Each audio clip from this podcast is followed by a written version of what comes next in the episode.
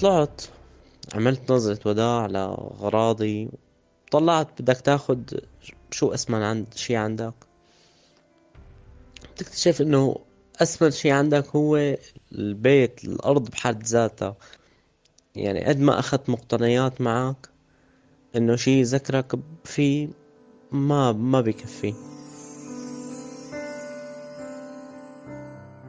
أكثر من تسع سنوات على اندلاع الثورة السورية. كان الملف الإنساني السوري حاضرا بقوة في وسائل الإعلام محليا ودوليا فانتشرت قصص السوريين سواء كانوا ضحايا قصف أو اعتقال أو تهجير.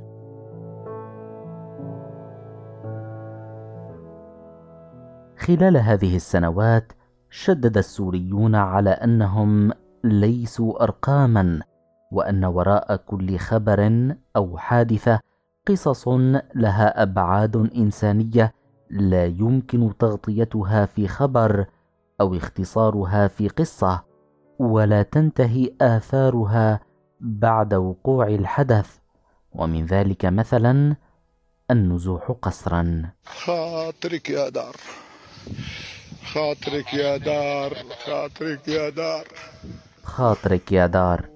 بودكاست جديد من إنتاج سوريا على طول. أشارككم أنا عمر نور قصص نازحين سوريين مضى على تهجير بعضهم سنوات لكن بيوتهم في مساكنهم الأصلية أكثر من مجرد أربع حيطان كما يقال بالعامية. فهي تاريخ من الذكريات حملوا عن تلك البيوت في رحلة تهجيرهم الكثير من الحنين لا تطفئه سنوات الغربة. في هذه الحلقة وهي واحدة من خمس حلقات سنتعرف على أم مفيد وزوجها حسان أبو مفيد وهما من ضحايا تهجير الغوطة الشرقية في آذار 2018 الذي كنت أنا أحد ضحاياه أيضا ونسمع منهما. شيئا عن الذكريات.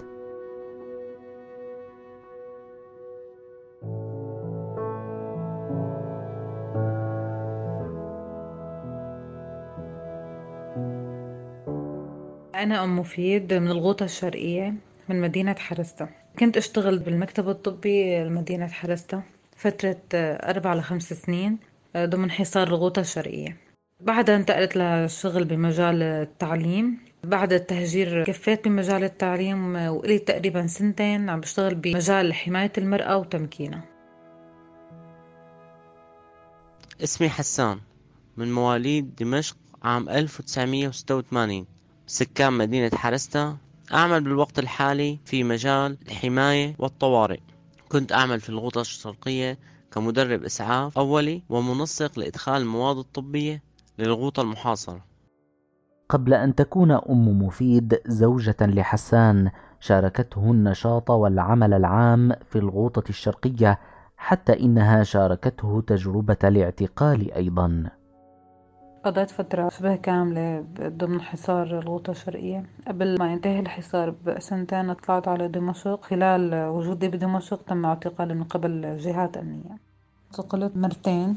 المرة الأولى كان فترة اعتقالي فيها هو أربعين يوم بفرع الجوية تم اعتقالي أنه رايحة أزور خطيبي بالسجن عذراء. اعتقالي الثاني كان سببه هو القصف الهمجي لقوات الأسد على منطقة حرسة الغربية اللي كنت متواجدة فيها أنا وأهلي. أثناء القصف الهمجي اضطرينا إنه نطلع خارج المدينة المحررة اللي كانت هي غرب حرستا وأثناء آه، تغييرنا للمكان آه، اعتقلت من قبل حاجز أمني لأنه لأنه نحن طلعنا من منطقة محررة منطقة آه، نظام. فوقتها كمان اعتقلت من قبل حاجز أمني وأخذوني على فرع فلسطين. فرع فلسطين قعدت فيه تقريبا ثلاثين يوم. هدول 30 يوم كثير كانوا صعبين علي بصراحة. بعد هدول 30 يوم انتقلنا على نقلونا على فرع الخطيب. فرع الخطيب تم التحقيق معي وإغلاق التقرير اللي كان مكتوب فيه وطلعوني بشكل مباشر من فرع الخطيب بعد شي عشرة أيام. حسان سبق زوجته والتي كانت آنذاك خطيبته بتجربة الاعتقال. دعونا نستمع لقوله. اعتقلت لدى النظام السوري ب 24 5 2014 نتيجة نزولي لدمشق لتأمين مواد طبية للغوطة المحاصرة. بدخلها عن طريق الأنفاق أو طريق عليها قناصين ما عليها حواجز. مرة من المرات تم إلقاء القبض علي بكمين للمخابرات الجوية واقتيادي للفرع. حولت لسجن عدرا المركزي وحضرت تقريبا 13 جلسة وانحكمت تمويل أعمال إرهابية ونمت تقريبا سنتين وثمانية أشهر. بشهر 12 2016 تم إطلاق سراحي وعدت للغوطة الشرقية. في تلك المحكمة الوضعية كما يصفها حسان طلب منه أن يدافع عن نفسه ولكن بقاعة المحكمة لما توجه لي الجرم اللي هو تمويل أعمال إرهابية صفنت إنه ليش؟ شو الذنب شو الجرم اللي أنا مرتكبه؟ لما قالوا لي احكي دافع عن حالك قلت له أنا عم كنت عم دخل حليب الأطفال. قال لا أنت عم تدخل لأولاد الإرهابيين حليب الأطفال. انحكمت ثلاث سنين بمحكمة وضعية لا تمت للعدل ولا بأي شكل. حالت الظروف بما في ذلك اعتقال أم مفيد وزوجها ومن ثم وجودها في مناطق سيطرة النظام دون اجتماعهما مجددا في مدينتهما إلى أن جمعهما التهجير فكان على قساوته ربما فرجا لها أو هكذا شعرت في حينها. فالتسوية بين المعارضة والنظام تضمنت بندا سمح لأم مفيد ومثيلاتها الالتحاق بذويهم في الغوطة. بصراحة أنا كنت عم بستنى يوم التهجير. يعني بجوز تستغرب إنه أنا عم بحكي هيك بس أنا فعلا كنت عم بستنى يوم التهجير. لأنه بالنسبة لإلي صارت دمشق هي مرعبة يعني أنا ما فيني أطلع ما فيني فوت.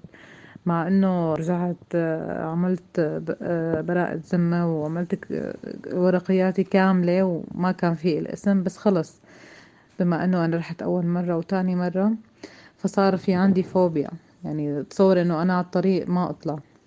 فأنا كنت عم بستنى بفارغ الصبر هذا اليوم. وطبعا بنفس الوقت إنه أنا راح أجتمع بخطيبي اللي لي خمس سنين عم بستناه تقريبا. الحمد لله يعني اجتمعنا. وصلت أم مفيد إلى مدينة حرستا على بعد بضع أمتار من منزل خطيبها الذي كان يفترض أن يكون بيت زواجها ولكن لم يكتب لها زيارته. جمعونا آه، تقريبا شي ثلاث باصات آه، كنا نساء وأطفال ونزلنا من طريق الشرطة العسكري لمدينة حرستا. ما قدرت أوصل لبيت أهلي لأنه بيت أهلي كان القسم اللي فيه النظام. حتى البيت اللي كان مجهزه خطيبي كمان آه، ما قدرت أطلع من كتر القصف. يعني ما فيك تشوف اصبعك وقت نزلت أنا صار تفجير وراح فيه عالم. فأنا فورا آه، مسلم على خطيبي نزلنا فورا على الإسعاف آه، وصرنا نشتغل بالناس اللي انصابت بالتفجير. يعني يمكن ما وعيت شوف خطيبي لبعد شي ثلاث أربع ساعات. بعدها ضبينا الشناتي وخلصنا. استنينا تقريبا للمغرب صلينا المغرب وطلعنا بالباصات. طبعا لا يخلو الأمر إنه نحن رحنا تمشينا شوي بالحارات وودعنا المدينة اللي انخلقنا فيها وتربينا فيها. غريب ومتناقض هو شعور أم مفيد في تلك الساعات القليلة التي قضتها بمدينتها قبل أن تستقل الحافلات مجددا ولكن إلى الشمال هذه المرة. شعوري وقت وصلت للمدينة كان آه، شعور كتير مختلط. في كل المشاعر آه، في في حزن في أسى في فرح بنفس الوقت إني التقيت بخطيبي. بس وقت أنا ما قدرت أوصل لبيت أهلي ولا حتى قدرت إني أروح أشوف البيت اللي كنا مجهزينه فكان شعور مؤلم مؤلم جدا بصراحة. كنت حابة أرجع على بيت أهلي وشوف آه، غرفتي وشوف كتبي تبعت الجامعة اللي أنا نسيتهم. كيف كانوا مفرودين وكنت حابة أرجع لملم كل هاي الشغلات لملم تيابي لملم أقلامي لملم كل شي بخصني. بس ما قدرنا ما قدرنا أبدا. أما زوجها ربما كان صاحب حظ بإلقاء نظرات الوداع على بيته ومقتنياته قبل الرحيل وقد حمل شيئا منها. جمعنا من هلأ أذكر مساحة الثانوية اللي تبعد تقريبا عشرين متر عن بيتي اللي كنت على أساس بدي أتزوج فيه. طلعت عملت نظرة وداع لأغراضي. طلعت بدك تاخد شو أسمن عند شي عندك. بتكتشف إنه أسمن شي عندك هو البيت. الأرض بحد ذاتها. يعني قد ما أخذت مقتنيات معك إنه شي ذكرك فيه ما ما بكفي ناس أخذت تراب ناس أخذت الشغلات الثمينة مثلا عندها الذهب الكذا من الأغراض اللي حبيت هيك طلعها كانت عزيزة علي. في إلي مقتنيات من السجن كنت شاغلها شكلات وشغلات أرابيسك. عباية جدي الله يرحمه قرآنه صغير ساعته. أوراق أوراقك الثبوتية أو أوراق هيك إلك قديمة ملكية البيت؟ إنه بيوم بركي بترجع. قد يبدو لك أن التهجير القسري خيار جيد لمدنيين نجوا من الموت قصفا أو تعذيبا لكن لحسان رأي آخر. السلطان والحكام لما بدهم يحكموا على حدا ما بدهم يحكموه بالموت بينفوه لأنه بيعرفوا إنه النفي هو من الأمور الصعبة على الإنسان. شلون وقت أنت تملك قرار نفيك بتحس حالك مثل الشجرة شجرة الزيتون المعمرة اللي عم تقلعها من جذورها وعرفانة إنه هي وين ما زرعتها ما عاد ترجع تنبت. ربما تتساءلون بما كانت تفكر أم مفيد لحظة صعود الحافلة. هل راجعت قرارها؟ أو ربما فكرت بالتراجع عنه لنتابع. تركت مدينتي وتركت أهلي وطلعت فكرت كتير آه، بس لقيت هذا هو الحل الأنسب لإلي لإلي ولا خطيبي ولا حتى أهلي. آه، أنا مالي عم بقدر لا أطلع ولا فوت ضمن المدينة وحتى إذا طلعت عم كون كتير خايفة. فهي طبعا ما عيشة أبدا. وقت وصلنا على الباصات كنت أنا وحسان سوا. كان في شعور ألم وحزن إنه أنا تركت أهلي. طبعا أنا حاسة بهذا الشي كنت بس بنفس الوقت كنت حاسة بشعور فرح بشعور حرية بشعور إني أنا صرت أقدر أطلع أمشي. ما خاف إنه إذا حدا من النظام رجع اعتقلني. بنفس الوقت إنه ما خاف على أهلي إنه حيخافوا علي لأنه أنا ما أقدر أطلع مشان أهلي ما يخافوا علي إذا رجعت اعتقلت من أول وجديد. كان شعور حلو بالنسبة لي. كانت الناس كلها عم تبكي وأنا بكيت طبعا. مو إنه ما بكيت بس كمان كان في شعور هيك جميل. إني أنا رح أضلني مع خطيبي بعد هالفترة التقيت فيه. و... وإنه مثل ما ذكرت إني أنا خلصت من شعور الخوف اللي كان مرافقني أكتر الأوقات. كذلك توجهت بالسؤال ذاته إلى حسان أبو مفيد لنعيش معه اللحظات الأخيرة في مدينته. 22 3 2018 كان نقطة تحول كتير كبيرة بحياتي. بهذا اليوم تم تهجيرنا من مدينتنا إلى الشمال السوري على أعين العالم كله. اللحظات الأخيرة إنه خلص حتطلع يعني الباص إجا وبدنا نطلع. بترجع بكل زاوية بتطلع فيها بكل حارة بتطلع فيها لذكريات جميلة عشتها بطفولتك بشبابك. إنه أنا كنت هون واحد رفقاتي لنلعب. آه، هون كنت أستنى المكرو لأنزل روح على جامعتي. بصيبك مثل صراع داخلي. ما بت... ما بتعرفه هش... ما بتعرف هالشعور شو هو. إنه أنت بجوز ترجع بعد سنة بعد ما بتعرف إمتى بدك ترجع. بجوز بسنين ما ترجع بجوز تموت. وصارت إنه في كتير ناس ماتت وما رجعت. أخيرا وصل المهجران بعد عناء وتزوجا فور وصولهما إلى إدلب في الشمال السوري. لكن في الذكرى السنوية الأولى لعملية التهجير عاشا التجربة مرة أخرى.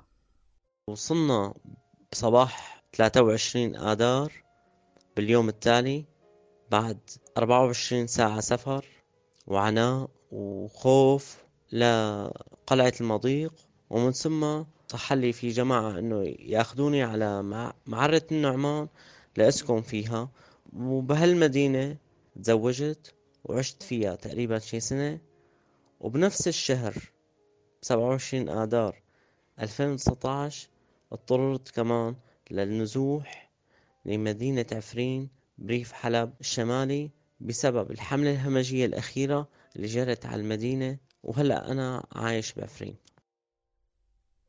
بعد أن وصلت العائلة المهجرة إلى الشمال السوري وصحت من صدمتها. بدأ الزوج يفكر ببيته في الغوطة الذي كان يخطط الزواج فيه. بعد ما تهجرت الغوطة كلها واللي ضل ضل واللي طلع طلع وصحينا شوي من الصدمة إنه صدمة وين نحن؟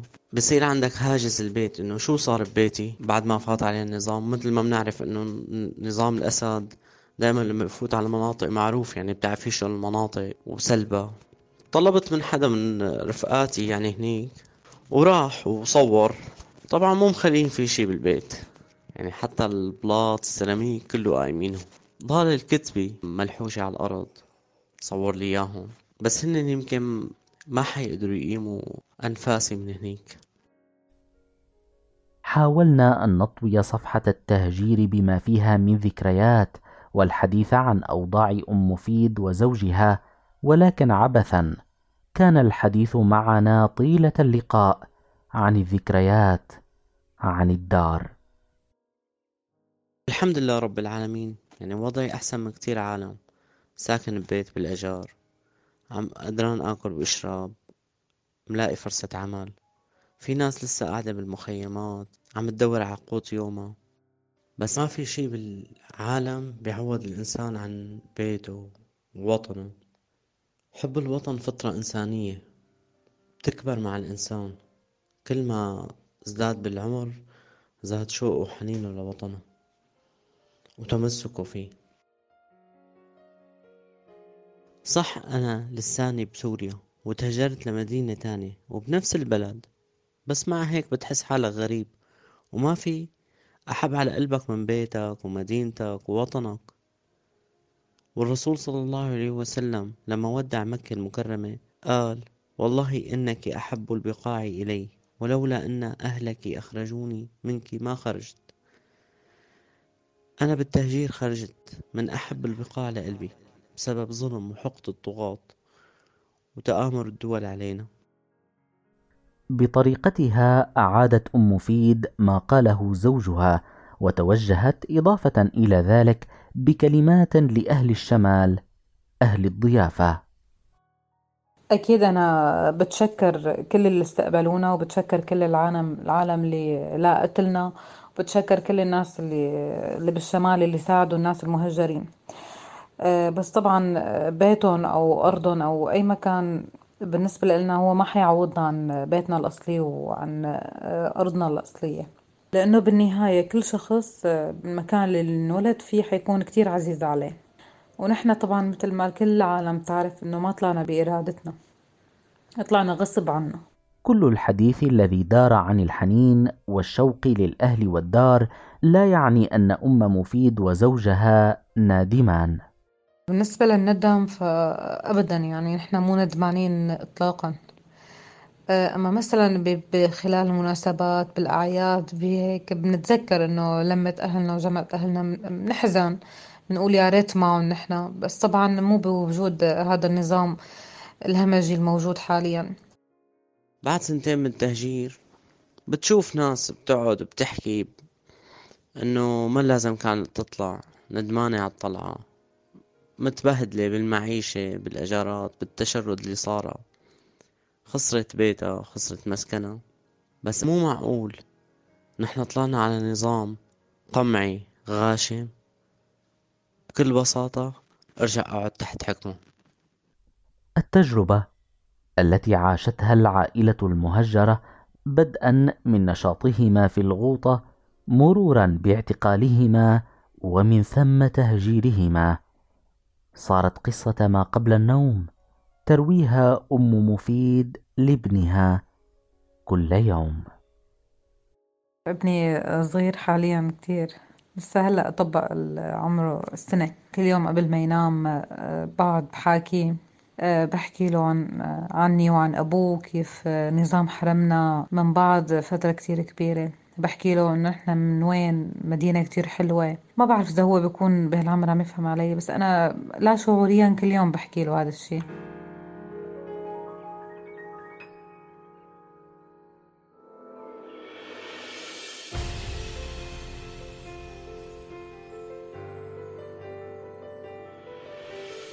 هذا البودكاست من إنتاج سوريا على طول وبدعم من المؤسسة الأوروبية من أجل الديمقراطية. كان معكم في الإعداد والتنسيق عمار حمو وفي التعليق وهندسة الصوت عمر نور.